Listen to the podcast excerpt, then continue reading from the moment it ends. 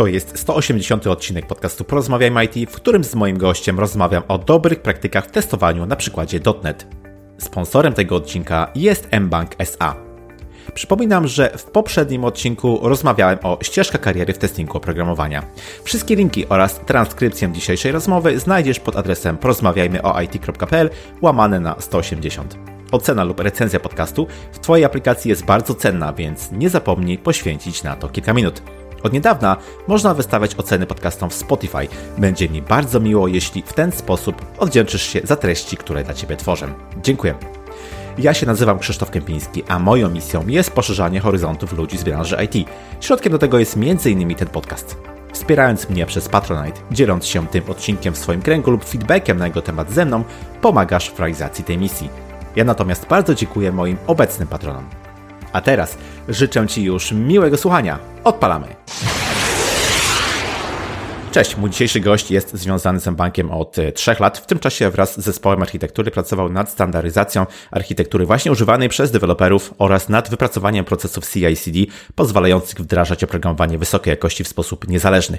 Ponadto dzieli się wiedzą przez wszelakie media jak blog czy kanały audio-wideo. Zawodowo programowaniem zajmuje się od 16 lat, z czego większość poświęcił technologii .NET. Jest administratorem jednej z największych grup społeczności .NET na Facebooku. Moim waszym gościem jest Dominik Gieske. Cześć Dominik, bardzo mi miło gościć w podcaście. Cześć, cześć. Dzisiaj z Dominikiem będziemy rozmawiać o dobrych praktykach w testowaniu oprogramowania. E, głównie skupimy się na perspektywie software developera. E, będziemy się w tym posiłkować przykładami z .NET-u, czyli technologii, w której Dominik się specjalizuje, ale myślę, że ta wiedza, którą tutaj Dominik nam przekaże, z którą się e, podzieli, jest na tyle uniwersalna, będzie na tyle uniwersalna, że spokojnie można ją zastosować również do większości innych technologii. Ale zanim do tego przejdziemy, to chciałbym Cię, Dominik, zapytać na wstępie takie pytanie rozgrzewkowe, czy słuchasz podcastów? Jeśli tak, to może masz jakieś fajne, o których warto tutaj wspomnieć. Tak, czas, czasami jak, jak tylko czas pozwoli, e, zdarza mi się słuchać podcastów, chociaż bardziej słucham audiobooków, ale, ale jeżeli chodzi o takie techniczne rzeczy, to, to czasami zdarza mi się e, posłuchać takich e, podcastów. Ostatnio słucham na przykład e, Better Software Design, mhm. E, Mariusza Gila e, i czasami też .NET Rocks, to już bardziej takie z .NETem. A ten pierwszy to taki bardziej, jeżeli chodzi o architekturę i takiego właśnie architekt, architektonicznych. Mhm. Super, to na pewno warte polecenia podcasty. I dobrze, na początku chciałbym Cię mm, zapytać o taką, powiedziałbym, e, świadomość w branży, jeśli chodzi o testowanie. I tak, tak jak mówiłem na początku, no, z perspektywy e, software developera, czy według Ciebie to testowanie jest już powszechne, czymś jest czymś oczywistym stosowanym przez e, inżynierów e, właśnie software developmentu. No, myślę sobie, że skoro cały czas pytamy na rozmowach rekrutacyjnych właśnie o te umiejętności, to może nie jest to czymś tak oczywistym, ale jestem bardzo ciekawy Twojego zdania, Twojej perspektywy właśnie na tą powszechność testowania wśród e, programistów. Znaczy tak, na pewno myślę, że powszechne jest przekonanie, że musimy testować, tak? Dużo się o tym mówi, jest to powiedzmy taki w teorii standard, tak, ale no, ja bym to porównał troszkę do, do, do, do, te, do tego, że takiego e, powiedzenia, że musimy myć ręce, tak, i, i to, to, że myjemy ręce, to każdy niby myje te ręce, e, no ale jak była na przykład pandemia, to się okazało, że, że zaczęliśmy się uczyć, jak dobrze myć ręce dopiero wtedy, tak, więc mhm. e, kwestia nie tego, czy to robimy, ale tak naprawdę jak to robimy. I, i czy te testy są robione dobrze, tak? No, możemy sobie odhaczyć w Excelu, tak, jak to robią e, menadżerowie, że nie wiem, o, tak robimy testy, tak robimy, tak robimy, mamy, tak, jak, jakieś testy są, tak, więc, więc jest okej, okay, tak? E, tutaj tak naprawdę meritum tego to są właśnie jak my robimy te testy i tu myślę, że sobie jeszcze o tym e, porozmawiamy. No właśnie, no to wobec tego warto by pewnie ten temat pociągnąć w tym e, kierunku takiego, można powiedzieć, testo sceptycyzmu, tak? No bo ciągle spotyka się e, programistów, którzy twierdzą, że no nie do końca jest w tym wartość, że to może strata czasu. E, no właśnie, czemu nie chcemy pisać testów? Nie umiemy, nie widzimy w tym wartości. Jak myślisz? Tak, no ja tak sobie właśnie analizowałem ten temat jeszcze przed, przed spotkaniem, sobie wypisałem takich siedem grzechów, E, które, które popełniamy e, w branży, przynajmniej te, które mi przyszły do głowy. To może powiem pokrótce o tych, o tych grzeszkach.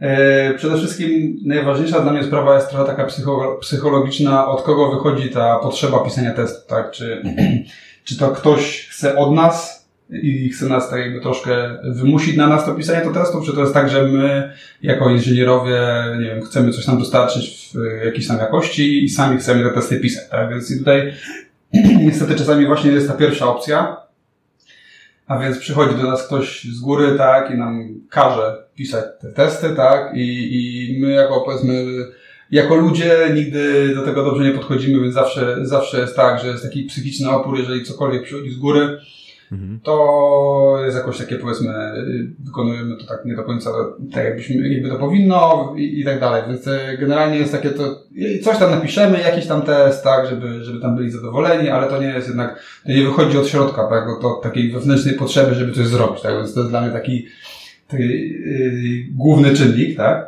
Mhm. E, innym takim czynnikiem jest taka prozaiczna sprawa, że po prostu nie potrafimy pisać dobrze tych testów, tak? I trochę tak tego unikamy, bo właśnie poza tym, że ktoś do nas mówi, że musicie pisać, tak, to znaczy mówi się o technikaliach, tak, jak, jak napisać test technicznie, tak, ale ale tak y, mało tak, ja przynajmniej z doświadczenia, jak widziałem dookoła, mówi się o takich powiedzmy, jak to dobrze robić te testy, tak? Jak, jak, jak, jak zrobić te testy, żeby to żeby były utrzymywalne, żeby na końcu nie skończyło się tak, że je wyłączamy, bo nie, nie panujemy nad nimi. Generalnie no, tak, tak, żeby te testy były, miały wartość, tak? A nie tylko były napisane. Więc, więc jednak e, ta, ta taka powiedzmy wiedza o tym, jak to dobrze robić jest też istotna. Oczywiście to jest, to przychodzi trochę z czasem, ale no generalnie warto ją szlifować, tak? To jest, mm. ja to nazywam, że to jest sztuka pisania testów, tak? Bo to jednak trzeba troszkę e, doświadczenia, e, żeby, żeby zrobić to dobrze, tak? Mhm. E, innym takim, który, takim czynnikiem, który sobie wypisałem, to jest, e, jak nazwałem, e, złe środowisko, tak? Czyli jeżeli nawet mamy taką, powiedzmy, intencję, że my chcemy napisać te testy, tak jest i tak dalej, ale dookoła wszyscy nam tutaj mówią, że nie, nie piszmy tego, albo po prostu olewają nasze testy, tak, my na PR-kach robimy te testy, nikt na nie nie zwraca uwagi, no to generalnie po jakimś czasie, jak to się mówi, z kim przestajesz, z tym się stajesz, tak, czyli generalnie E, troszkę to środowisko na nas wpływa, więc to jest też istotne, e, żeby dbać o to środowisko pracy, tak żeby jednak no, to testowanie nie było takie, jako takie drugiej kategorii, tak, albo czyli takie niepotrzebne, tylko jako tak naprawdę dla mnie to powinien być e, jeden z takich nieodłącznych czynników procesu wytwarzania oprogramowania, tak. Nie coś takiego dodatkowego, tylko po prostu coś, z czym się nie dyskutuje, to po prostu musi być i tyle, tak, więc to jest, to jest taki czynnik, który który występuje. No właśnie to się wiąże też z, tym, z kolejnym punktem, a mianowicie z takim, e, w skrócie bym to powiedział, biznes nie chce, tak? Czyli mhm. spotykałem się z takimi e, powiedzmy tłumaczeniami, tak można nazwać takie tłumaczenie troszkę, bo to jest takie trochę nasze, nasze wewnętrzne tłumaczenie, dlaczego tego nie robimy, to zawsze coś wymyślimy, jakiś dobry argument.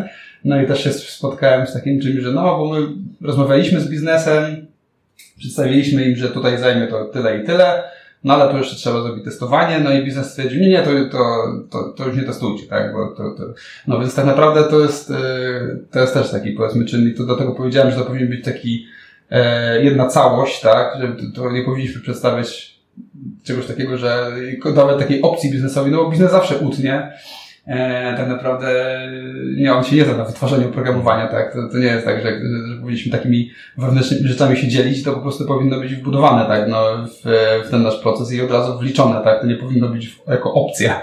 Mhm. I, I do tego właśnie czasami, czasami tak, tak wychodzi, tak? E, innym takim czynnikiem jest, jest to, że e, takie troszkę, e, jak to się mówi, zły dotyk boli całe życie, czyli ktoś się zraził, tak, coś się, coś się źle wydarzyło z testami, tak, nie, nie, nie poszło, no to może jednak nie, po co tracić czasu na, to, na te testy.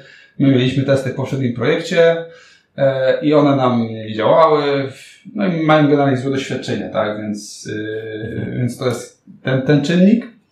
Jeszcze już, już podchodzę pod koniec, E, przedostatnie to jest generalnie niepatrzenie na długoterminowość tych, te, tego, co nam dają, dają, testy, tak? Jest to tak troszkę, ja to zawsze porównuję, e, już któryś raz powtarzam, do remontowania dróg. E, czyli jak się patrzy krótkoterminowo, no to jest tak jak to bywało w naszym kraju, jakiś tam powiedzmy od, od, od lat 90. przyjeżdżają panowie, zalewają dziurki i robią to co roku od nowa, tak? Więc mhm E, I tak, tak podobnie z testowaniem. Jeżeli tego się nie zrobi, no to będziemy później robili jakieś łatki, szpachelki, jakieś tam iwki i tak dalej, tak? i ten tworek będzie nam rósł, tak? A jednak jak się do tego dobrze zabierzemy z tymi testami, to jednak te testy nam trochę w ryzach to oprogramowanie nam trzymały, to jeszcze, też trochę jeszcze o tym powiemy dalej. Jednak właśnie długoterminowo te testy procentują, ale nie zawsze tego się widzi, tego, to od razu. No i ostatnim już siódmym grzechem już, to jest po prostu lenistwo. Mhm. Czyli po prostu nie chce nam się tego i te wszystkie punkty tak naprawdę to jeszcze mógłbym dać jeszcze inne jakieś wymówki tak naprawdę, że bo nam się nie chce, tak? Programista tak naprawdę ma, ma dowieść, tak? Ma dowieść funkcjonalność dla, biznes, dla, dla, biznesu, tak? Mam zrobić kalkulator, zrobiłem 2 plus 2 równa się 4, wy, wynik wyszedł, jak to się mówi, git push, tak? I, i zrobione, tak? Więc y, tutaj jednak trochę to nic. No, więc to, to jest dla mnie te 7 grzechów Mhm. Gdy te, te, grzechy wymieniałeś, to sobie zrobiłem szybki rachunek sumienia. Wyszło mi, że przynajmniej e, kilka z nich popełniłem gdzieś tam w różnych, tak, różnych ja też. Ja tak Myślę, samo. Każdy, tak, tak, tak, tak, tak. To nie jest tak, że ja tutaj jestem jakimś powiedzmy e, ideałem, tak. Ja, ja tak naprawdę przez to, że nie byłem dobrze wychowany w testach, tak, to ja, ja, że tak powiem, muszę trochę, trochę to do mnie wraca do mnie, ja się muszę sam e, biczować troszkę w zaciszu swojego pokoju, że właśnie tutaj, żeby właśnie nie mieć tych wymówek. Mhm. No właśnie, gdybyś e, trafił do takiego projektu, do takiej firmy, do takiego zespołu, który powiedzmy nie do końca wierzy w testy, nie do końca widzi wartość, to w jaki sposób byś tą ideę testowania e, oprogramowania sprzedał? Jakich zaletach byś powiedzmy powiedział?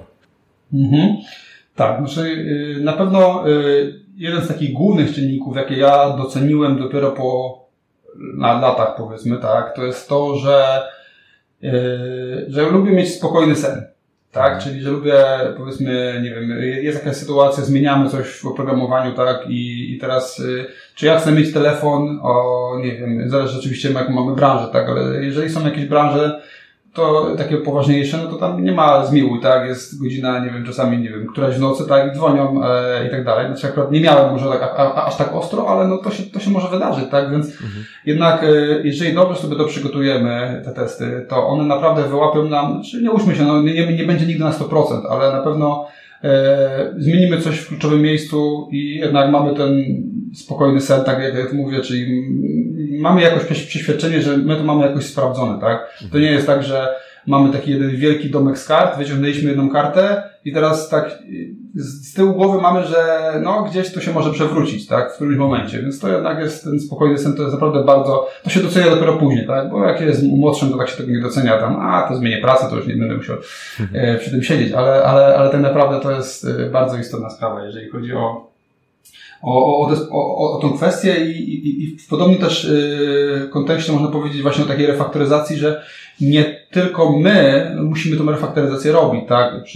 Załóżmy, że, jest, że mówimy tu o perspektywie takiego, nie wiem, kierownika projektu, takiego kogoś, kto ten projekt nie jest programistą, który przychodzi, odchodzi, tak? Ale ten, y, to jest ten produkt, który on będzie utrzymywał. Teraz programista sobie wytworzył jakiś kod, tak?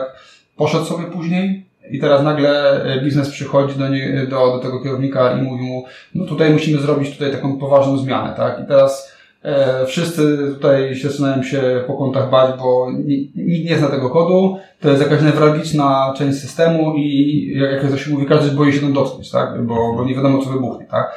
Jednak, więc to jest bardzo istotna sprawa, żeby to było, jeżeli mamy, mamy takie istotne biznesowe aspekty otestowane, to wtedy mamy taką, takie poczucie bezpieczeństwa.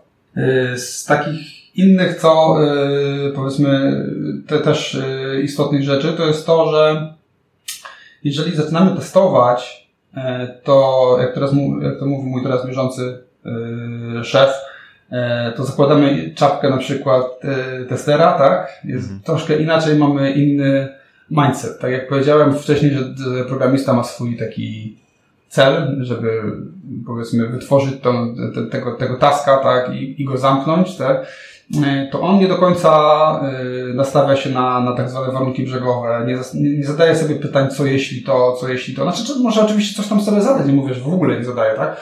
Ale to jednak, jednak jest troszkę inna, inna perspektywa, tak? Jak zaczynamy, zaczynamy testować, to zaczynamy myśleć o, o troszkę w inny sposób w naszym oprogramowaniu. A co jeśli tutaj, nie wiem, tu będzie nul, a co jeśli coś złe, złego tu się wydarzy, tak? Nie, nie, y, myślimy poza happy pathem tak zwanym, tak? Mhm, mhm. Więc tutaj y, trochę bardziej się rozwijamy pod, pod kątem y, właśnie takim myślenia i też architektonicznie, jak ktoś pisał testy, i pisał ich więcej, powiedzmy, to zauważy, że testy wymuszają na nas lepszą architekturę.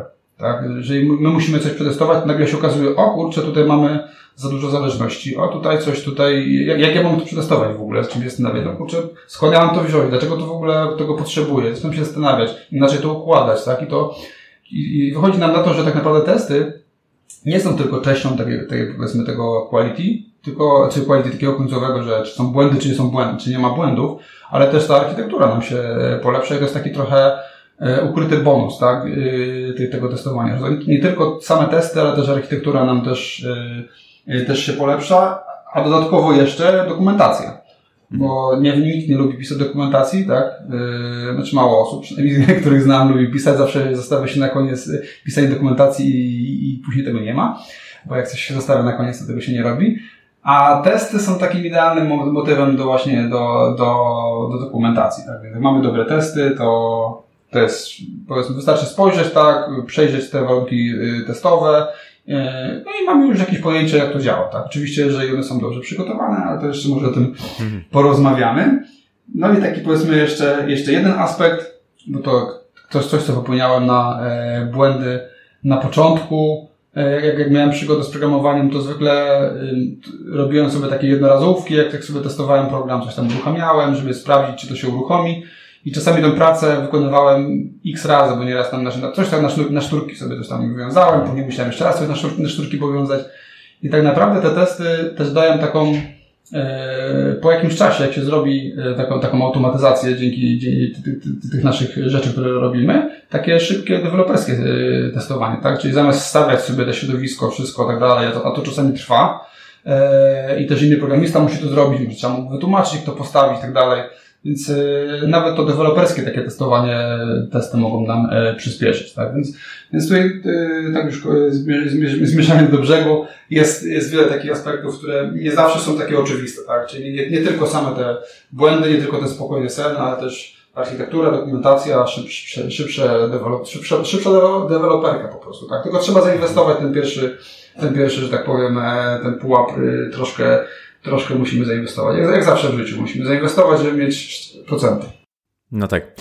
Y, ta większa pewność, o której ty powiedziałeś, czy takie, y, ten spokojny sen, kiedy wdrażamy coś na produkcję, kiedy robimy refaktoryzację i jesteśmy, no, przynajmniej w jakimś tam stopniu dużo większym, niż gdyby tych, testów nie było, e, pewni, że nic krytycznego nam się, e, mówiąc kolokwialnie, nie wysypie, no to jest, to jest coś bardzo, mm, bardzo ważnego. E, więc, no, generalnie zmierzam do tego, żeby powiedzieć, że na tych testach możemy polegać, że to jest w jakiś sposób zabezpieczenie tego, co robimy. Ale z drugiej strony, no, możemy też pójść z tym za daleko, no bo, tak jak mówi stara myśl, co się mierzy, to rośnie i w przypadku testów Mamy chociażby coś takiego jak pokrycie testów, test coverage, prawda, kiedy e, no, zależy od podejścia, od filozofii, albo dążymy do stuprocentowego pokrycia, albo mamy mm, nieco luźniejsze e, e, podejście. No i w momencie, kiedy zaczynamy zbyt bardzo, myślę sobie, ufać, ufać testom, kiedy pokładamy takie stuprocentowe przekonanie, że testy nas zawsze uratują, no to może to działać też trochę na naszą niekorzyść. Jestem ciekawy, jak do tego podchodzisz. Mhm. Tak, tak. To jest właśnie, to jest bardzo w ogóle ciekawa kwestia, e, o, o której wspomniałeś. E, na pewno warto wspomnieć właśnie o, o tych, o, jeżeli mamy jakiś cel, tak, to tak jak wspomniałeś, musi on być mierzalny, tak, musimy mieć to miarę, e, że, żeby gdzieś, jeżeli docieramy do tego celu, tak, to musimy go zmierzyć, tak, w wielu takich książkach, powiedzmy, o jakichś takich, wiem, czy motywacyjnych, czy w innych różnych takich rzeczach, możemy takie, takie, takie stwierdzenia właśnie spotkać, że najpierw trzeba sobie właśnie wybrać ten cel i właśnie, żeby on musi być mierzalny, żeby właśnie zmierzyć go wcześniej, przed, zmierzyć po, mamy, jaki mamy uzysk, tak? Tylko, że mhm. podstawa jest, y, bardzo istotna jest taka, y, jaka jest ta miara, tak? I teraz jedną z takich najbardziej popularnych miar jest to właśnie to pokrycie kodu, o którym wspomniałeś. Teraz y, to jest nie do końca dobra miara i zaraz powiem, czyli to jest dobra i niedobra miara tak naprawdę. I o tym, o tym wspomniał mój powiedzmy taki e, jeden z ulubionych autorów, który, który najbardziej do mnie trafia, jeżeli chodzi o programowanie, e, Wladimir Kirkow. On napisał taką książkę Unit Testing, e, Principle, Practice and Patterns. I w tej książce zawarł takie stwierdzenie, code, code metrics are good negative indicators, but bad positive one. Tak? I teraz mhm. chodzi o to, że metryki powiedzą nam, że mamy mało testów i to ok, i to jest ok, tak, czyli to jest taki, taka metryka, którą możemy sobie zawsze ustawić, że jeżeli mamy za mało testów, no to jednak powiedzmy tutaj coś jest nie tak, no bo nie wiem, 0, 20% może, czy 30, zależy jak tam sobie podejdziemy do tego. Tutaj na pewno nam, nam ta metryka coś daje, ale jednak z tym stuprocentowym pokryciem to jest trochę takie powiedzmy złudne, tak? Czyli mhm. po pierwsze mogą, mogą być jakieś testy, które robią, robimy tylko głupie testy, żeby to 100% było. Czyli wymyślamy jakieś tak, bo tak naprawdę czym jest to pokrycie kodu? To jest, to jest po prostu takie, nazwijmy to głupie, głupi algorytm, w skrócie głupi, dlatego że on po prostu nie patrzy, co testujemy, tylko on po prostu patrzy, czy y, program przechodzi y, przez y, dane, daną, powiedzmy, dane rozbranczowienie, tak, czy daną część programu, naszego, na, na, na, naszego kodu.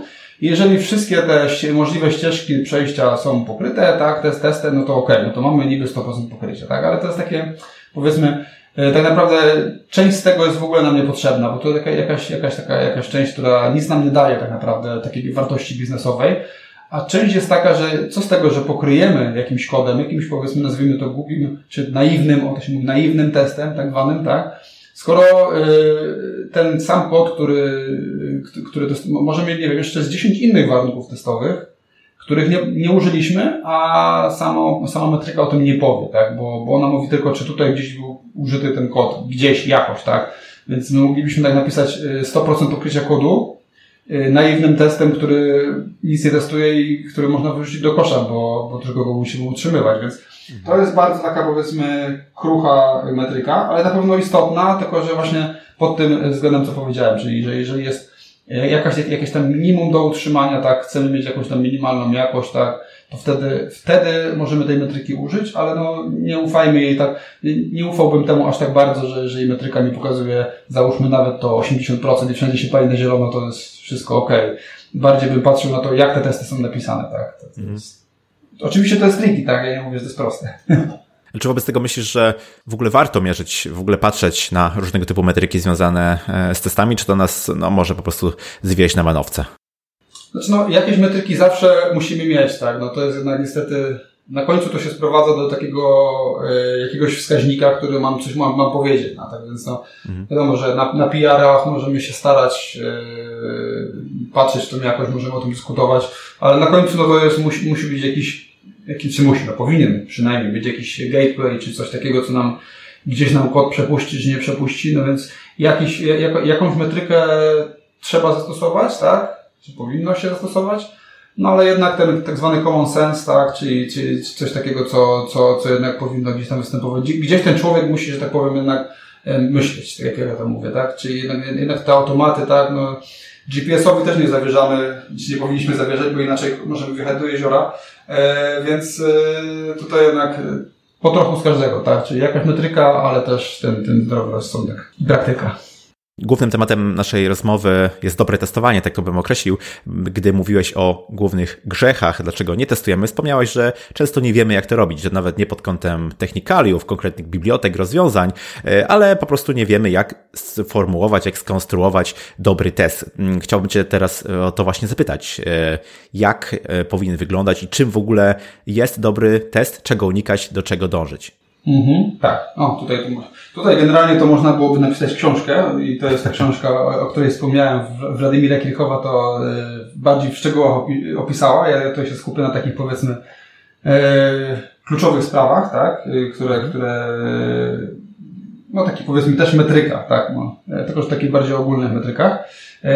Pierwsza sprawa, o której bym powiedział, to przede wszystkim test powinien być stabilny. Tak, i, i co rozumiem przez stabilny? No przede wszystkim Przede wszystkim to jest y, zmora y, większych projektów, y, że czasami testy, jak to się mówi, wybuchają. Czyli po prostu nagle jakiś test przestaje działać. Nie, nie, nie działa jednorazowo, nie działa, bo, bo, bo ktoś zrobił jakąś zmianę gdzieś zupełnie w innym miejscu systemu i tu nagle nam, nam, nam, nam test wybuchł. Więc tutaj generalnie e, jest to istotne, żeby te testy były solidne i, i żebyśmy przewidywalnie, że tak powiem, widzieli coś, co się w nich dzieje. Tak nie powinno być tak, że nagle, nagle nam coś przestaje działać no i musimy, nie wiem, ponawiać testy trzy razy, żeby nam przeszło, tak?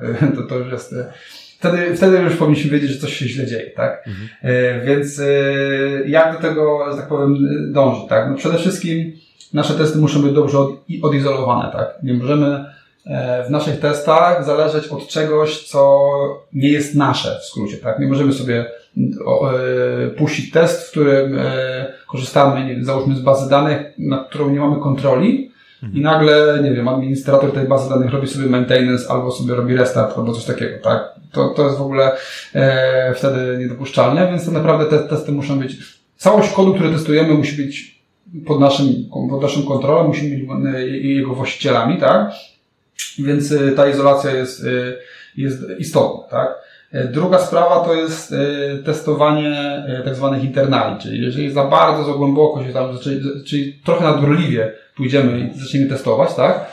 No to nagle się okaże, że, to, że nasze testy są trudne w utrzymaniu, no są niestabilne, bo cokolwiek chcemy zmienić, to te testy nam się wysypują. A tak naprawdę to nie do końca o to chodzi, tak? No, jeżeli testuje, tak spojrzymy sobie troszkę tak bardziej holistycznie na te testy i, i spojrzymy, nie wiem, na samochód, tak? No to jeżeli testujemy, nie wiem, kierownicę czy cokolwiek takiego, no to chodzi tylko o ten interfejs, tak? Tylko chodzi o, o, o to API, z którym ktoś się styka, tak? Czyli ktoś dotyka tej kierownicy, ją rusza sobie, możemy sobie testy zrobić, co się wydarzy ale tak naprawdę nie interesuje nas, jak to jest wykonane, tak, pod spodem, tak.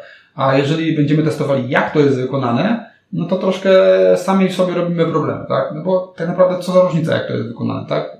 Jeżeli wykonuje jakąś funkcję, to wykonuje jakąś funkcję, tak? E, mhm. Oczywiście mogą być tam osobne testy może do jakiegoś tam algorytmu, ale z tego punktu widzenia, co my tutaj testujemy, to jest, nas, nas to obchodzi, tak? Więc jeżeli zejdziemy sobie za nisko, yy, to będziemy mieli właśnie taką sytuację, że, że ta stabilność tych testów jest mała, tak?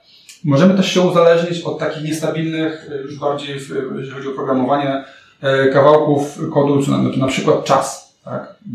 W dotnecie jest takie coś jak daytime now, no w każdym języku, tak? można podać bieżący czas.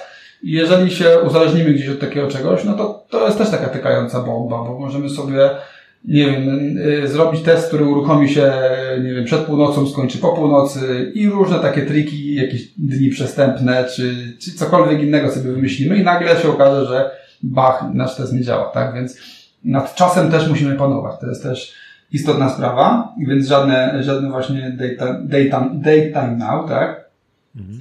Y, też y, problemem jest brak single responsibility, więc musimy się tutaj skupić na tym, żeby nasz kod robił jedną rzecz, tak? Bo jeżeli nagle się okaże, że nasz kod robi wiele rzeczy, no to właśnie jest to, co wspomniałem wcześniej, że gdzieś tam ktoś coś zmieni, gdzieś tam w drugim końcu globu, tak? A tutaj nagle nam nasze testy wybuchają, więc jeżeli się skupimy, że nasze testy mają jedną odpowiedzialność, tak? Y, to nie, nie tylko jest dobra praktyka oprogramowania z punktu widzenia inżynierii programowania, tak jak często się mówi o tej single, o tym single responsibility, ale też właśnie w testach też jest to istotne, że właśnie wiemy, że jeżeli zmienimy biznes tutaj w tym miejscu A, to testy z, z, tego miejsca A się mogą wysypać, ale tylko tutaj, tak? A nie gdzieś tam u, u kolegi w innym zespole na przykład, tak?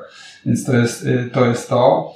Też y, powinniśmy się skupiać nad izolacją, y, jeżeli chodzi o biznes i infrastrukturę, tak? Jeżeli mamy kody testowania biznesowych rzeczy, tak, to to, że zmienimy sobie, nie wiem, e, HTTP requesty na gRPC albo na WCF-a czy na inne jakieś technologie, to nie powinno wpłynąć na nasze testy biznesowe, tak? Więc tutaj też ta architektura powinna być powiedzmy wyczyszczona, tak? Infrastruktura swoją drogą, biznes swoją drogą, więc tutaj yy, ta kwestia. Yy, też w tej, w, tej, w tej materii zbyt duża liczba zależności, tak? Czyli trochę to podobne jak single responsibility, jak sobie właśnie weźmiemy no, w teście widzimy, że mamy tutaj dana klasa ma 20 zależności, no to wtedy już powinno się żółte światełko zaświecić. No to jednak rozdzielmy to tak i, i, i, i podzielmy to na jakieś takie oso, osobne części i wtedy może ten test będzie po prostu stabilniejszy, tak? Łatwiej się utrzymuje coś, co się zmienia e, rzadziej, tak? Niż, niż takim powiedzmy, jak to się mówi, big ball of math, czyli taka, taki zlepek różnych rzeczy, które które właśnie będą nam się y, wybuchały za każdym razem, jak coś zmieniamy. Y, I jeszcze kwestia, y, że zbyt dużo czasami testujemy w jednym teście. Tak? I teraz, jeżeli zbyt dużo testujemy w jednym teście, tak, to wtedy właśnie ten test wybucha yy, i czasami wybucha na przykład na pierwszej rzeczy, na, pierwszym asercie, a raz na dziesiątym asercie, więc tutaj tych asertów też nie powinno być zbyt dużo, nie powinien być zbyt dużo test, trzeba było w ogóle może lepiej podzielić na jakieś testy, które sprawdzają poszczególne aspekty i wtedy wiemy, że jak nam się zapali lampka od konkretnego scenariusza testowego, to nie jest lampka od całej naszej funkcjonalności, tylko od jakiegoś kawałka i łatwiej to, łatwiej się tego szuka. No i już w tej, w tej kwestii stabilności jeszcze tak zwane side efekty, to jeszcze warto było wspomnieć, czyli e, żebyśmy starali się pisać kod bardziej tak zwany funkcyjny. Bo kod funkcyjny to jest coś takiego, co e, no, matematycznie przyjmuje, e, przyjmuje input, zwraca output i to jest to, czego się spodziewamy, tak? Wszystkie inne tak zwane side efekty, ale nie, wrzucenie wyjątku, e, zapisanie do pliku, gdzieś tam coś, jakiś gdzieś z boku, coś gdzieś tam, e, jakiś zapis, tak, to, się, to, to nagle się okazuje, że gdzieś tam coś na szkodę robi trochę więcej niż, niż czego się spodziewamy, tak, więc im więcej takich side efektów jest, tym nasz yy, kod łatwiej zdestabilizować, tak, czyli to jest ta stabilność, tak. Inną z, taką, z takich większych, powiedzmy, metryk to jest też szybkość, tak, więc E, jeżeli mamy tam parę testów na krzyż, to nie ma takiego tam wielkiego znaczenia. Jednak e, jeżeli chcemy mieć więcej tych testów, no to jednak one powinny być no, szybkie. Jeżeli chodzi o unit testy, to już zaraz nie, nie będziemy się może nad, nad rodzajami testów rozwodzić, ale szczególnie unit testy, e, no to, to powinno być ułamek sekundy, tak? Nie powinno być tak, że mamy testy, które się parę sekund wykonują, no bo jednak test, który będzie się wykonywał 10 sekund i wystarczy takich testów, nie wiem, tysiąc, no i to już nasz Yy, nie, nie do końca to, to jest yy, zwinne, jak, jakbym to powiedział, tak? To musi być tak, że te testy przejdą szyb, szybciutko, tak? I na, na, szczególnie jeżeli one są, są takim gate'em na PR-ce, no to jednak nie chcemy, żeby te PR-ki trwały godzinę, tak? Więc testy yy, powinny być szybkie. I jak to zrobić, tak? Więc trzeba wyłapać pewne zależności czasowe na przykład, tak? Jeżeli mamy jakieś timery, tak, to być może trzeba nasz test tak skonstruować, żeby tym, tym czasem można było troszkę lepiej, jakby to powiedzieć, zarządzać w, tym, w trakcie wykonywania tego, te, tego testu. Przykładowo, jak ktoś używał e, Reactive Extensions, to w różnych językach jest dostępne, nie tylko w .NETie, to tam jest e, do testowania jest tak zwana wirtualna e, linia czasu, gdzie my sobie możemy tak jakby powiedzieć spłaszczyć ten czas, tak? Czyli zamiast czekać na 10 sekund na wykonanie czegoś, to my po prostu mówimy, że tutaj ten czas minął i teraz jesteśmy już w tym punkcie za 10 e, sekund do przodu i możemy już tą logikę wykonać. Bo z naszego punktu widzenia nie jest istotne, że ten czas minął. E, że to jest 10 sekund czy 50 sekund, to nie jest w teście istotne, więc tutaj jest, są techniki, które pozwolą nam lepiej to zorganizować, tak żebyśmy ten, ten e, nie mieli tak zwanego waste'u, tak, czyli bezsensownego czekania na coś, co, co w teście nie jest istotne. No chyba, że to jest meritum testu w jakiś sposób, no ale to, mhm. to są już naprawdę takie niuanse. Yy, bardzo istotną sprawą jest też, że test powinien być łatwy w utrzymaniu, tak, więc często yy, naszym takim błędem jest to, że mamy ciągotki do kopiuj wklej i to nie tylko w testach. Ja czasami po, po którymś już razie stwierdziłem, że chyba Ctrl-C e, powinno być zablokowane, e, bo większość błędów wynika z tego. I tak samo jest w testach. Często, często się widzi takie testy, takie, takie sklejki, tak, że ktoś robi kolejny test, no to Ctrl-C, Ctrl-V, tak. I teraz na końcu dnia, czy miesiąca, czy roku, e, jak zajrzymy sobie do tych testów, to mamy taki, taką sklejkę, tak? Teraz to jest taka, taki, taki kod, który jest, nie jest poważny, tak? Nie, jest, nie traktujemy go jako część tego oprogramowania, tylko jakoś tam, tam powiedzmy, żeby to się zapaliło na zielono. Więc nie utrzymujemy tego i nie dbamy odpowiednio, o odpowiednią higienę tego, tego testu, jak, to jest, jak on jest zorganizowany, czy on jest czytelny, tak? E, jeżeli właśnie on jest takim, no, szczególnie, to, jeszcze, dalej może o tym powie, a oczywiście nie, może nawet tutaj w tej, w tej, w tej części, E, często testy dzielimy na, taką, e, na takie trzy, trzy człony. Arrange, act i assert, tak? E, I no, zwykle ta część arrange jest niezbyt ładna, tak? Szczególnie jeżeli, jeżeli stosuje się jakieś mokowania i te mokowania nie, nie, nie zrobi się ich jakoś, powiedzmy, inteligentniej, czy jakoś ładniej się rozłoży, żeby jakiegoś napisać tak zwanego buildera, bo nie będę się już może rozwodził nad builderem, ale jest taki pattern, test builder pattern, który można sobie jakoś to przygotować, tylko się robi takie po prostu kopiuj, wklej, tu mi tego, tego moka mi tutaj w tym miejscu zbudujemy sobie, czasami taki pod, budowanie takiego moka to jest taki potworek, którym na parę linii kodu i takich potworków parę musimy poskładać hmm. i później mamy taką sekcję arrange na załóżmy 20 linii, no i później ktoś wchodzi, robi drugi test, no to robi kopiuj wklej takiego potworka i tak dalej, i tak dalej, tak, więc jeżeli się tym dobrze nie, za, nie zarządzi, to, to to jest straszna sprawa w utrzymaniu, tak? Bo jeżeli nagle coś się zmieni w kodzie, to wszystkie te potworki musimy poprawić, tak? Więc. To jest jednak e, dosyć istotna sprawa, żeby to było czytelne. E, I jak ktoś otwiera ten test, żeby wiedział, co tam się dzieje, tak? Żeby, nie, żeby on się nie skupiał na, tym, na tych mokowaniach wszystkich, tak? I na jakichś tam technikaliach, tylko żeby, on, żeby było wiadomo w ogóle, co tu testujemy w tym teście, tak? Bo czasami właśnie wystarczy parę komentarzy, tak? w tych kluczowych miejscach, jeżeli nawet mamy pewne powtarzalne e, kawałki kodu, to możemy sobie gdzieś jakiś komentarz dać, na przykład, że tutaj to jest to meritum, tak to ustawienie, ta, ta zmienna, ten, to jest meritum tego testu na przykład, tak? Więc dobre komentowanie nie, nie, nie, nie jest tylko w, w kodzie produkcyjnym tak zwanym, tylko też w testach, tak? Tam właśnie jeżeli zrobimy sobie dobrze, e, dobrze e, okomentowany test, no to wtedy Yy, od razu widzimy, co się dzieje. Jeszcze dodatkowo, jeżeli go dobrze nazwiemy, to już w ogóle, tak, to już jest bajka, tak, wtedy ktoś widzi, co, co testujemy po samym nazwie testu i później jeszcze yy, konkretna sprawa, gdzie tutaj jest meritum tego testu, tak. Jeszcze jest jedna kwestia, test generalnie ma jasno mówić, yy, jaki to jest scenariusz testowania, tak, więc yy, jak sobie jak sobie wejdziemy w, taką, w taki pliczek z jakimiś yy, wieloma testami, tak, to jeżeli szukamy jakiegoś jednego scenariusza, który nas interesuje, no to też powinniśmy go umieć znaleźć, tak? Więc jeżeli, jeżeli tam jest jakiś bałagan yy, i jest to właśnie dokładane tak w, w trybie szpachlowym, jak ja to mówię, yy, jeśli chodzi o nomenklaturę samochodową, no to też musimy się tam dobrze, dobrze odnaleźć, tak? Więc to nie powinno być tak poskładane właśnie na, na, na sznurki. Dobra, więc to, mnie, to, to jeżeli chodzi o takie powiedzmy z tego, co wybrałem, to można mówić o tym dużo, ale tak naprawdę e, myślę, że tutaj możemy się zatrzymać. Mhm.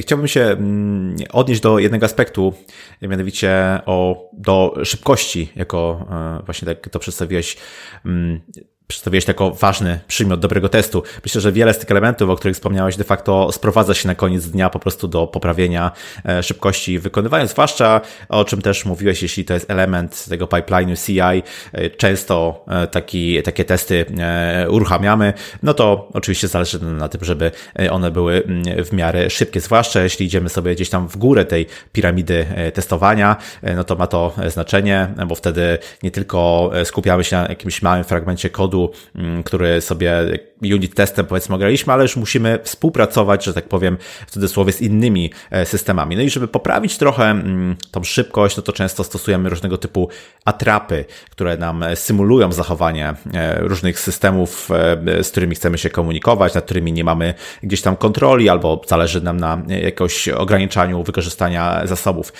No właśnie, wykorzystujemy tak zwane moki. No nam jest bardzo wiele różnych tych typów tych, tych, tych atrap, ale umownie nazwijmy je mm. mokami. E, no właśnie, teraz chciałbym Cię zapytać, jak do tego tematu podejść z głową, jak nie, jak wykorzystywać odpowiednio te moki, ale z drugiej strony też nie rozmydlić tego obrazu zbyt bardzo, że tu de facto wszystko będzie jedną wielką atrapą.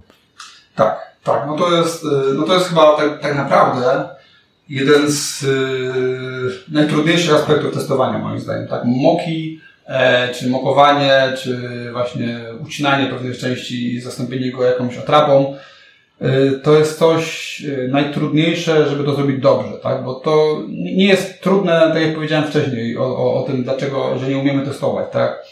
Nie jest problemem technikalia, tak? Czy nie jest, już mamy, mamy powiedzmy to, to jesteśmy na tyle już dojrzali, znaczy jeszcze nie jesteśmy dojrzali do końca, jak w innych branżach, ale już na tyle dojrzali, że mamy już jakieś to swoje e, toolingi, jakieś swoje, powiedzmy, pomocni, jakichś swoich pomocników do pracy, tak, możemy, z, z, mamy narzędzia do tego, już parę lat na rynku, na rynku jesteśmy w branży IT, więc e, mamy mo możliwość mokowania, tak, wszystko jest fajnie, tak, możemy to zrobić, możemy to odizolować, właśnie tak jak powiedziałeś, nie musimy, nie wiem, strzelać do bazy danych, możemy sobie ją zamokować i tak dalej, tak.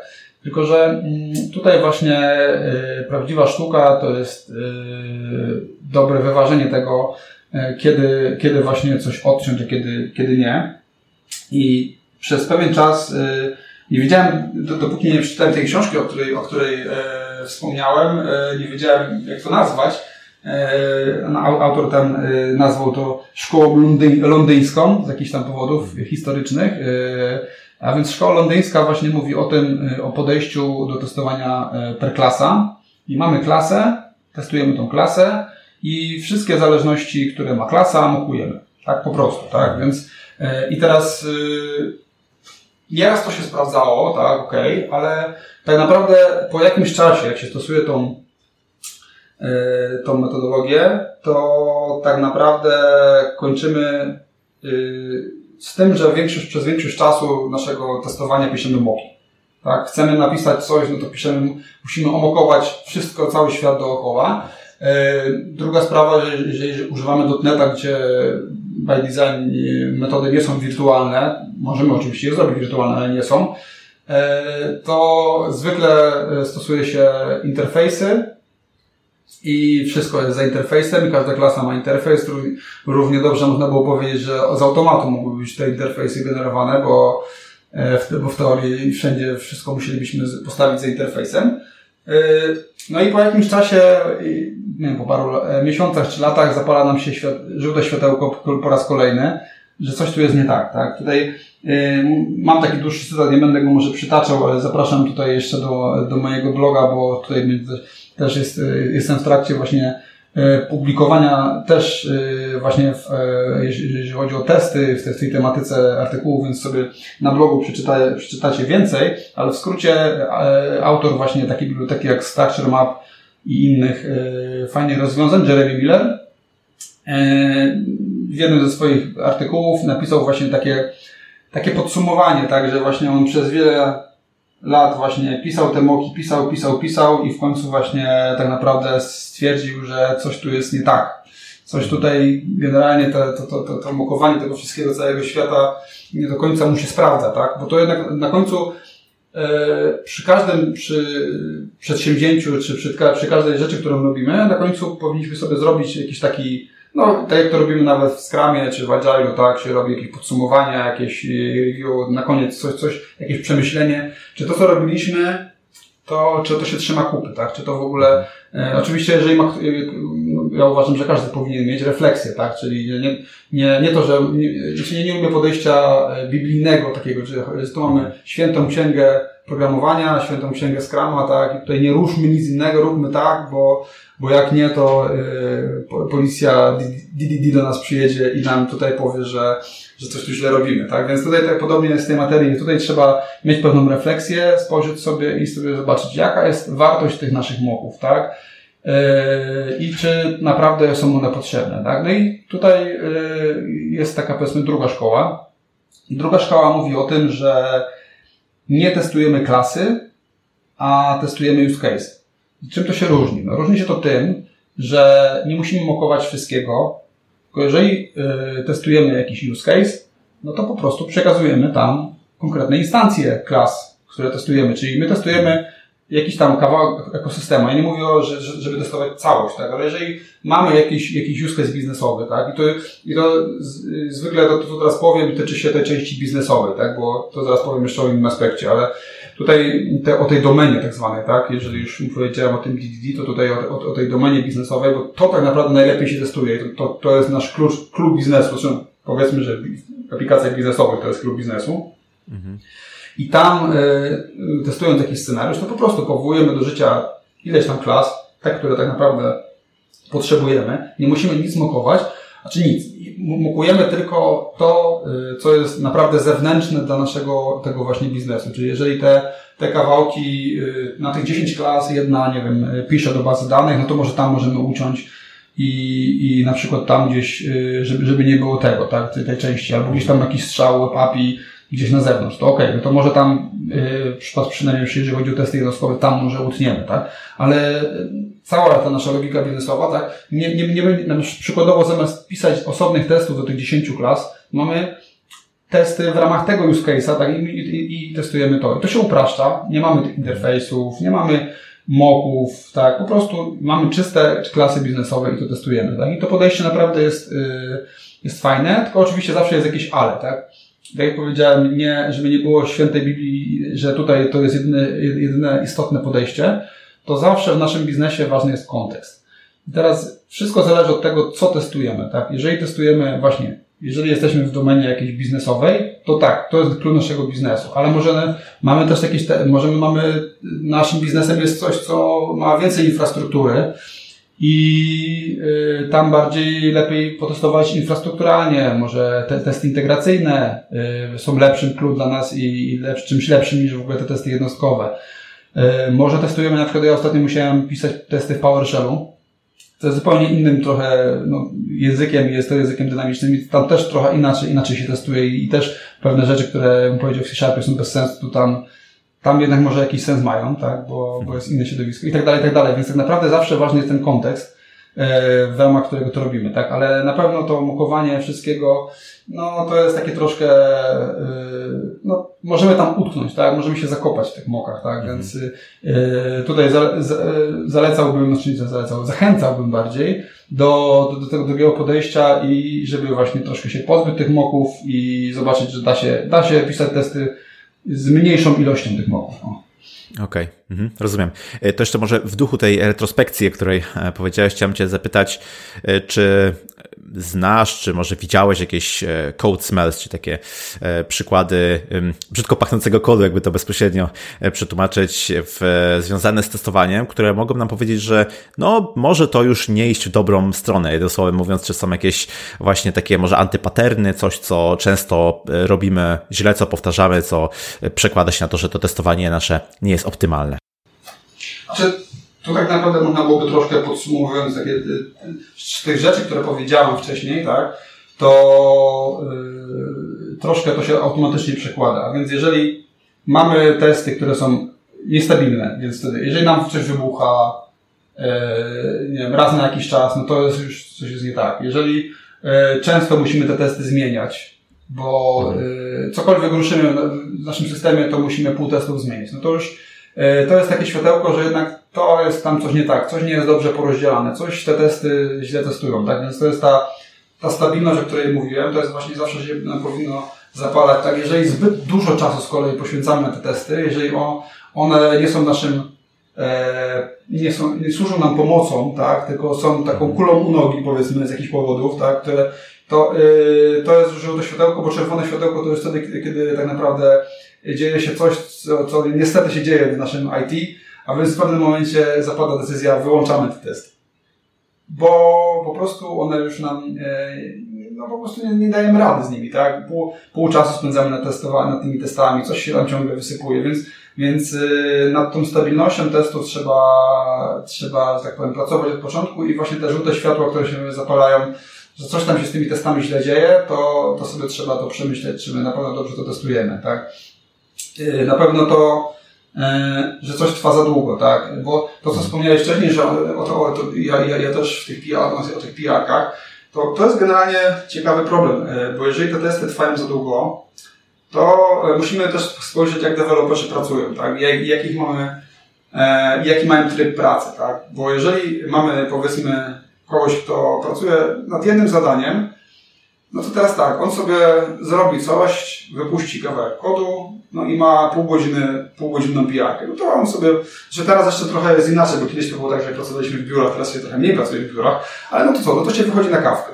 Albo gdzieś tam, no ja będę czekał tak na tą pijarkę, po co, mógłbym wziąć następne zadanie, ale niekoniecznie muszę, tak? Jest tam sobie pójdę, wrócę za 20, o jeszcze się robi, to pójdę, wrócę za kolejne 20, o zrobiło się, no a tamte ileś minut czekało sobie no, i tak dalej. Inny kolega, inny aspekt tego, no jakiś inny kolega sobie czeka też na tą pijarkę, bo pracujemy też parę osób, tak, więc zwykle te zespoły to są paroosobowe, ktoś tam czeka na to, więc też nie robi. I są, jest mnóstwo waste'ów, tak, jak tak naprawdę się to składa, to tych waste'ów jest, jest mnóstwo. I, i, i ta integracja tego kodu no, się wydłuża tak naprawdę, tak? Więc y, te sprawne testy nie, nie, tylko dają nam właśnie szybką odpowiedź, czy jest coś ok, czy nie jest ok, ale też e, poprawiają nam właśnie jakość tej, czy jakość, y, spra sprawność tej, e, tej integracji tego kodu do, do tej głównej naszej linii kodu, tak? Mhm. Więc to jest dosyć istotna sprawa. Y, co, jeszcze tak, co jest takim światełkiem? Na pewno jeżeli musimy komuś wytłumaczyć, co robi ten test, na przykład, to znaczy, że on jest źle napisany, tak? To jak, jak, tak samo jak z kodem, to jest y, jak ze wszystkim. Jeżeli test jest dobry, dobrze napisany, jest czytelny, to trzeba, można komuś pokazać, no tu jest test. No on sobie zobaczy, widzi, widzi nazwę testu, tak? Czasami jest też taka technika, powiedzmy, bo są też, może o tym nie wspomniałem, yy, są różne techniki, generalnie w naszej branży mówi się, że są dwie trudne rzeczy. Jest, jest e, inwalidacja cache'a i nazywa, nazywanie, tak? Czasami, jeżeli chodzi o nazewnictwo, to w ogóle, no już ileś razy czasami można się pośmiać, jak ludzie się e, przepychają, jak coś nazwać. E, ale generalnie ja z takiego powiedzmy, no bo dużo różnych rad powiedzmy słyszałem. Ostatnio u nas w zespole robimy tak, że nie, nie nazywamy testów w samej nazwie metody, tylko jest w atrybucie po prostu opisowo, powiedzmy po ludzku piszemy. Akurat w XUnit jest takie coś jak description i sobie można takie coś zrobić. I teraz, jeżeli ktoś sobie, wracając do tego, do tego głównego wątku, jeżeli ktoś sobie spojrzy, ma napisane, ten test robi to, to i to, po pierwsze.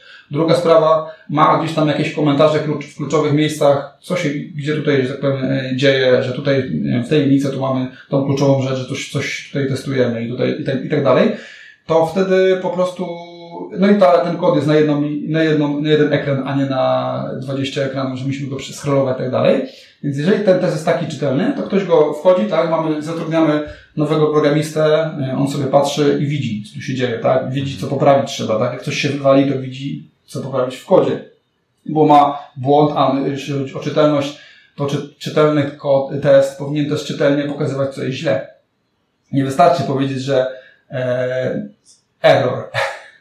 E, test e, nie wykonał się, tak? na przykład. Tak. tak? Znaczy, to nieraz może wystarczy, bo jeżeli oczywiście mamy dobrze opisane, tak, no to może wystarczy, ale no jednak ten opisowość asertów też jest powiedzmy czasami istotna, więc warto, znaczy ja generalnie zawsze warto, mówię, że warto właśnie mieć tę retrospekcję, więc warto, e, jeżeli idziemy takim trybem, nie wspomniałem o tym trybie, czyli mm, Red Grid Refactor, tak zwanym, czyli na początku E, piszemy coś, żeby się wywaliło, tak mówiąc kolokwialnie, później to naprawiamy e, i e, robimy ten refaktor i żeby się zapaliło na, na zielono.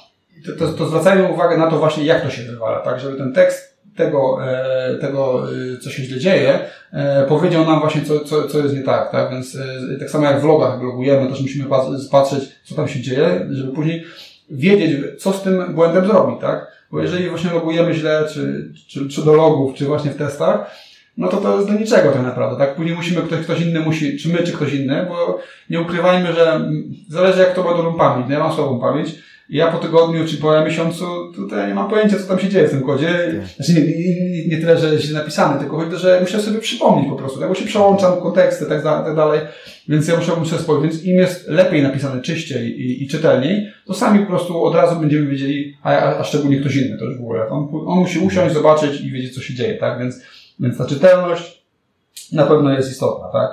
No, no i to już o, o tej kwestii właśnie z wyłączeniem testów już napisałem, to już jest taki ostatnia śmierć testów to jest właśnie wyłączanie testów, żeby, żeby właśnie ta pijarka nam przeszła, albo coś tam, żeby to wyłączyć tak i, i koniec. Kiedy włączymy, no kiedyś to się włączy, no i się nie włącza i tak dalej, więc y, z autopsji generalnie nie, nie warto zostawiać coś na koniec, a no właśnie to, jest, to są takie, takie światełka.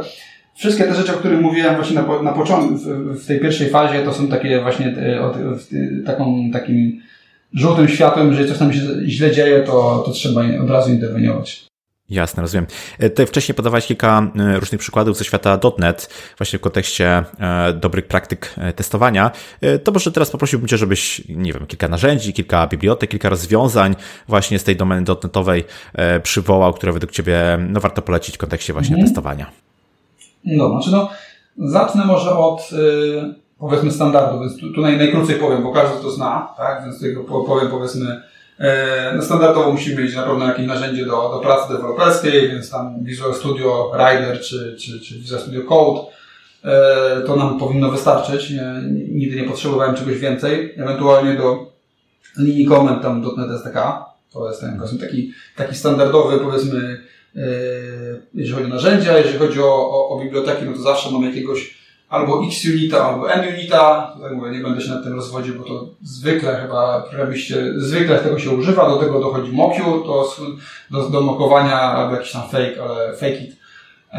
ale chyba MoQ jest najbardziej popularny, więc to jest taki standardowy pakiecik, powiedzmy, który, który chyba wszędzie występuje w dotnecie. Z takich dodatkowych rzeczy, które mógłbym polecić, na, na pewno jest biblioteka, która się nazywa Fluent Assertion.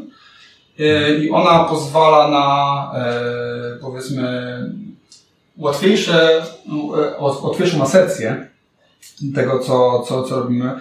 Ma taką, powiedzmy, składnię, tak zwaną Fluent. Fluent to jest, jeżeli mamy, mamy taki ciąg wywołań metod, to wtedy, powiedzmy, y, nazywa się to Fluent i wtedy możemy sobie powiedzieć, że jakiś kod powinien spełniać jakieś tam założenia. E, on to, to, to Fluent Assertion występuje do, do wielu właśnie tych bibliotek, więc możemy go razem z X-Unitem czy, czy M-Unitem wykorzystywać. E, I, i, i, po prostu ułatwia to pisanie tych asercji. Nie musimy, nie musimy tego kodu czasami, który ręcznie pisać. E, jest tam wiele takich pomocników, jeżeli chodzi o, o, o tą asercję.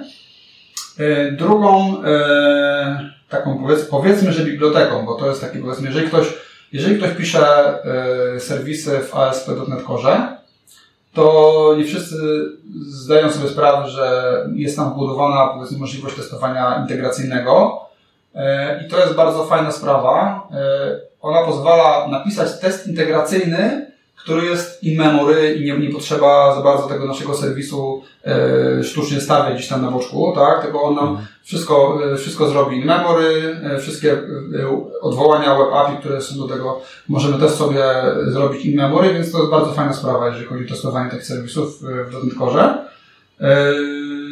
Też warto pamiętać o jakichś gate'ach, tak? Czyli to fajnie, że mamy, czy to jest tak naprawdę kluczowa sprawa dla mnie też, bo fajnie, że mamy te testy, one są, one się tam zapalają na zielono, mamy jakiś kod coverage, fajnie, że jest, tak, ok, ale istotna sprawa jest też to, żeby, żeby mieć jakiegoś gate'a, tak, jakiego, y, oczywiście jakiegoś takiego rozsądnego gate'a, ale coś takiego, co nam powie, że tutaj nie, y, jak to y, we Władcy Pierścieni, you shall not pass, tak, czyli generalnie musi być coś takiego, że nas zatrzyma, i na, na, przykładowo może być to sonar, zależne, albo jeżeli jakieś inne narzędzie, e, jeżeli mamy, nie wiem, GitHuba, czy jakieś inne, e, inne narzędzie do, do naszej integracji, tak? Więc może to być na przykład Sonar, Sonar Cube. Więc to jest ta kwestia. No i jeżeli ktoś, powiedzmy, trochę bardziej bawi się w testy serwisów Web API, to jeszcze bym polecił coś takiego, co się nazywa pact.net i to jest coś, co służy do testowania e, kontraktowego, tak, testy kontraktowe. No to jest inna kwestia, nie będziemy już dochodzili w szczegóły, ale to też jest fajna, fajne, e, powiedzmy, możliwości daje do takich testów. Mówiliśmy dzisiaj głównie o perspektywie dewelopera właśnie na e, testowanie, ale gdybyśmy nieco szerzej mogli tą perspektywę potraktować, to mm, jakbyś określił, jak wykorzystuje się tą wiedzę, o, którą, o której tutaj powiedziałeś, te kompetencje e, w mBanku. E, jakie role, powiedzmy, są zaangażowane właśnie w testowanie oprogramowania? No tak, więc tutaj generalnie w mBanku staramy się e, z, z roku na rok polepszać jakość tak, i podchodzić do tego, do tego testowania poważnie. Teraz jest parę aspektów tego, tak? No jedna, Jedna kwestia to jest tak naprawdę, znaczy z mojego punktu widzenia, bo akurat jest to jest mój trochę konik, to jest szerzenie tej wiedzy, tak? Czyli e, żeby to, co teraz powiedzieliśmy tutaj, e, troszkę krążyło po tych deweloperach, tak? Jakieś tam wpisy na jakieś tam wiki, czy gdzieś tam jakieś, jakieś szkolonka, czy coś takie rzeczy. Generalnie, żeby, żeby ludzie byli bardziej świadomi tego, e, jak mają pisać te testy, bo właśnie to, to jest to co powiedziałem na początku, że Dużo się mówi o tym, dobra, testujcie, tak, żeby te testy były, tak, ale to też, żeby, żeby, żeby te testy były miały jakąś jakość, to jest to, ta, ta właśnie ta wymiana wiedzy. E, druga sprawa, to, to, to, to co robimy w banku, to jest, yy, mamy osobną, powiedzmy, komórkę, która yy, spotyka się z zespołami, E, robi jakieś review z nimi, e, jak oni testują, ile tych testów mają, czy jakie te testy mają, e, w jakiej ilości, w ilości, no w sensie no tam procentowo i tak dalej, i tak dalej, więc są takie powiedzmy każdy zespół na, na, na, na dywanik jest wzywany, tak, jest, jest tam e, sprawdzane to, ta, ta, jako, ta jakość tego, e, no wiadomo, że nie, nie da się sprawdzić wszystkiego, ale przynajmniej taki powiedzmy jeżeli, jeżeli ktoś się ma wytłumaczyć z czegoś, to w cudzysłowie, no to jednak musi pamiętać zawsze, że, że ktoś go o to spyta. To też jest istotna sprawa. To nie chodzi o to, żeby się bać, tak? Tylko chodzi o to, że że jednak e, gdzieś tam w głowie z tyłu, że, że ktoś na to patrzy, tak? Bo jeżeli to ktoś wie, że nikt na to nie patrzy, to powoli te testy umierają gdzieś tam sobie, tak? Więc jednak trzeba, trzeba o to dbać z tych z dwóch aspektów tak naprawdę, tak? Czyli, czyli właśnie i nauczać, tak? I też, ale też pilnować, bo jednak, jednak, e, jednak pilnować zawsze trzeba e, i tak jest, jak, jak wszędzie. Świetnie. Dominik Gieska z banku był moim gościem. Rozmawialiśmy o dobrych praktykach w testowaniu na przykładzie .NET. Dominik, bardzo Ci dziękuję za Twój czas. Dzięki za podzielenie się swoją wiedzą. Dzięki, dzięki. I zapraszam na mojego bloga. Tam znajdziecie więcej informacji w tym temacie. Mam akurat serię e, wpisów. To idealne rozszerzenie do naszej rozmowy. Oczywiście e, namiar na Dominika, jak i na jego e, bloga będzie w notatce do odcinka. Dominik, jeszcze raz dzięki za poświęcony czas i do usłyszenia. Cześć. Dzięki, dzięki, do usłyszenia. Cześć. I to na tyle z tego, co przygotowałem dla Ciebie na dzisiaj. Po więcej wartościowych treści zapraszam Cię do wcześniejszych odcinków, a już teraz, zgodnie z tym, co czujesz, wystaw ocenę, recenzję lub komentarz w aplikacji, w której słuchasz lub w social mediach. Zawsze możesz się ze mną skontaktować pod adresem krzysztofmałpa.porozmawiajmy lub przez media społecznościowe. Ja się nazywam Krzysztof Kępiński, a to był odcinek podcastu Porozmawiajmy o IT o dobrych praktykach w testowaniu na przykładzie .NET. Zapraszam do kolejnego odcinka już wkrótce. Cześć!